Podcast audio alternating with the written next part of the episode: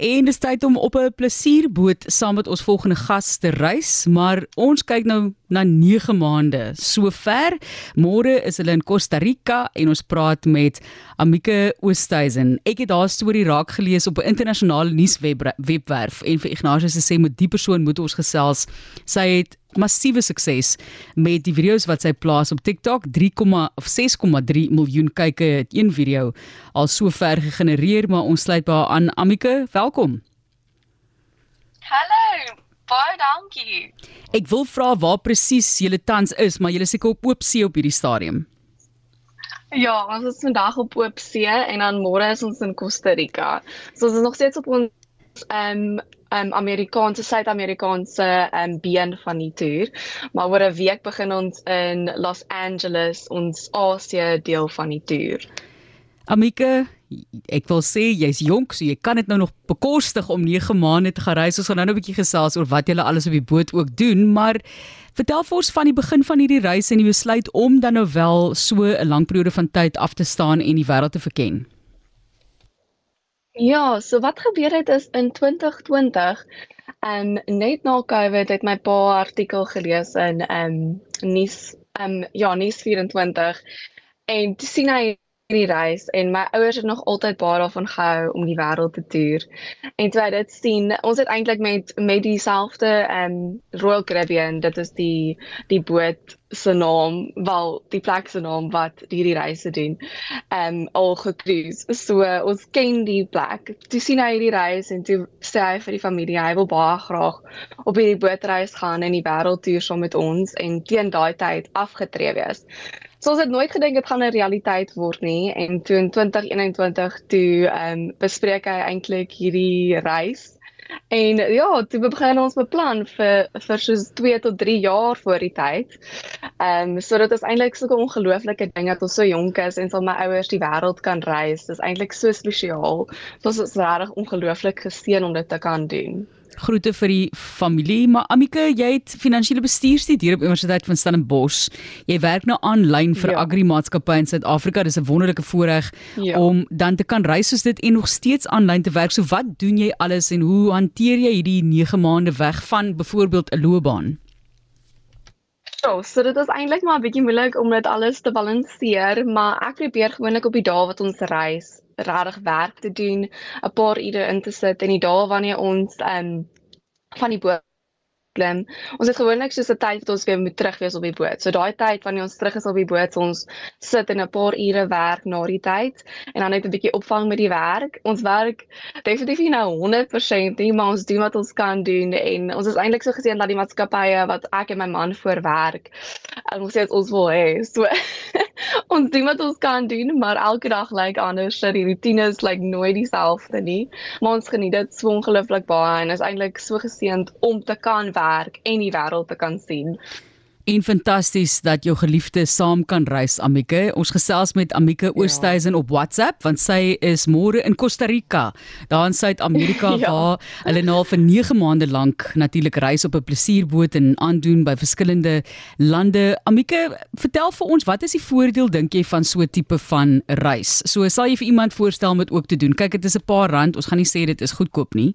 Ja. Dit is net maar 'n paar rand, maar dink jy dis die moeite werd om so iets te doen?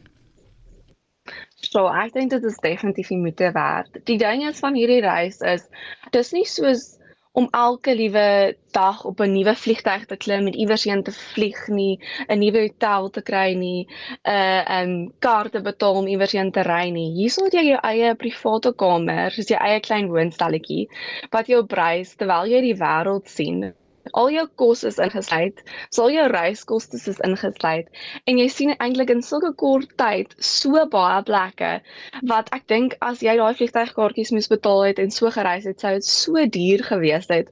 So ek dink dit is definitief 'n voordeel om dit op 'n boot te doen. Ehm um, jy sien eintlik soveel meer plekke. So ek wil definitief sê dit is hoekom dit vir ons so aanloklik was praat met ons oor die sosiale media. Hoekom het jy besluit om alles daar te deel en jy het nou finansiële bestuur studeer, so ek neem aan ook jy het een van 'n besigheidsbenadering hierso met die massiewe ondersteuning en volgelinge wat jy tans ervaar. Ja, so voor die tyd het ek eintlik 'n bietjie op sosiale media, was ek 'n bietjie besig op sosiale sosiale media, maar nie eintlik groot dinge gedoen nie. Ek het eintlik al met Mastercard gewerk waar ons Frankryk toe gevat het vir die ehm um, rugby wêreldbeker. So ek ek ken al 'n bietjie die die ehm um, hoe sosiale media werk werk en hoe om dinge te doen. So toe ek nou op hierdie hierdie bootreis kom te weet ek as ek meer gaan deel op sosiale media, gaan dit dalk vir my meer deure oopmaak want daar's altyd 'n um, mense wat met jou wil werk, jy wil betaal om sekere dinge in van die video's te plaas.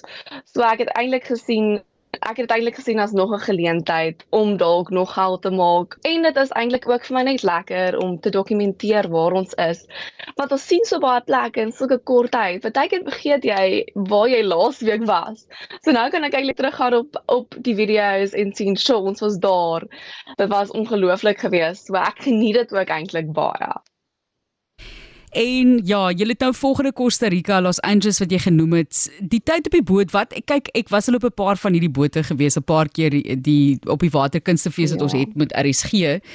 En Lefra Produksies wat nou binnekort weer vertrek, so terloops, daar's nog plek as jy wil gaan, maar kyk, jy spandeer tyd aan eet. Ek oefen, ek het altyd die oggende probeer oefen. Ons het uitgesaai en verder het jy geëet en produksies gaan kyk natuurlik, want dit is 'n ja. kunstefees. So ja. hoe hanteer jy daai kant van sake want ek dink ek sal so baie gewig optel want pizza in die middel van die nag, vars, lieflike Italiaanse pizza. Hoe hanteer jy die leefstyl?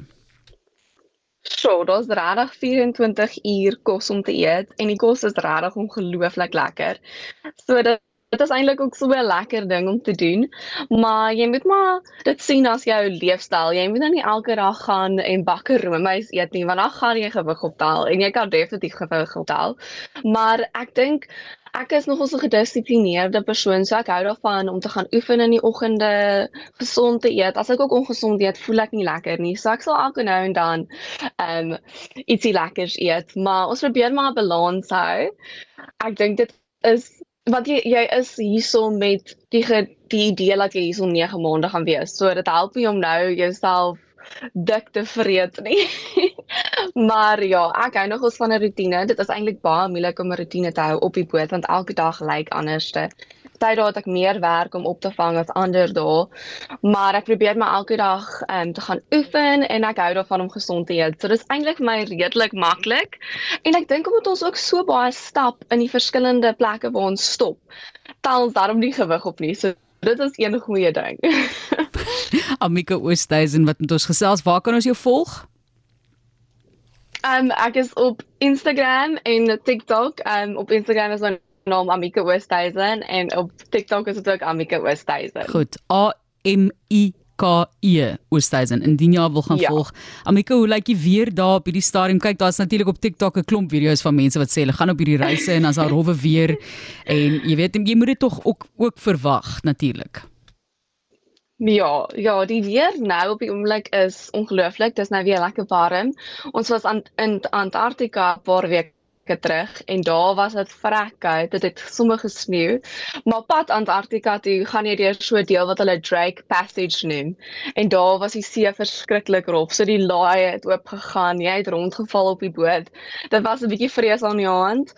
Maar nou is die see weer rustig. Gister het ons dolfyne gesien langs die boot spring. So dit is ongelooflik mooi op die oomblik. Ek dink ons gaan nou weer terug na 'n bietjie van die warmer dele toe. Want wanneer ons stop in, in Los Angeles oor oor 'n week gaan ons na Hawaii toe. So dit begin nou weer lekker warm raak. Hoeveel lande?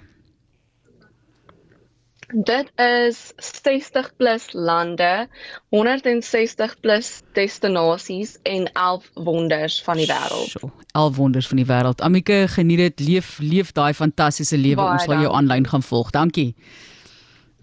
Baie dankie. Lekker dag vir julle. Totsiens. Dit is Amika Oosthuizen wat met ons gesels het oor haar en haar gesin om aanpale ook se 9 maande lange reis op 'n plesierboot en sy het was sy internasionaal raak gesien. Stel dit maar so. So sy was op verskeie nuusblaaie oor see gewees met hierdie reis want sy dokumenteer soos wat sy gesê het ook daardie ervarings.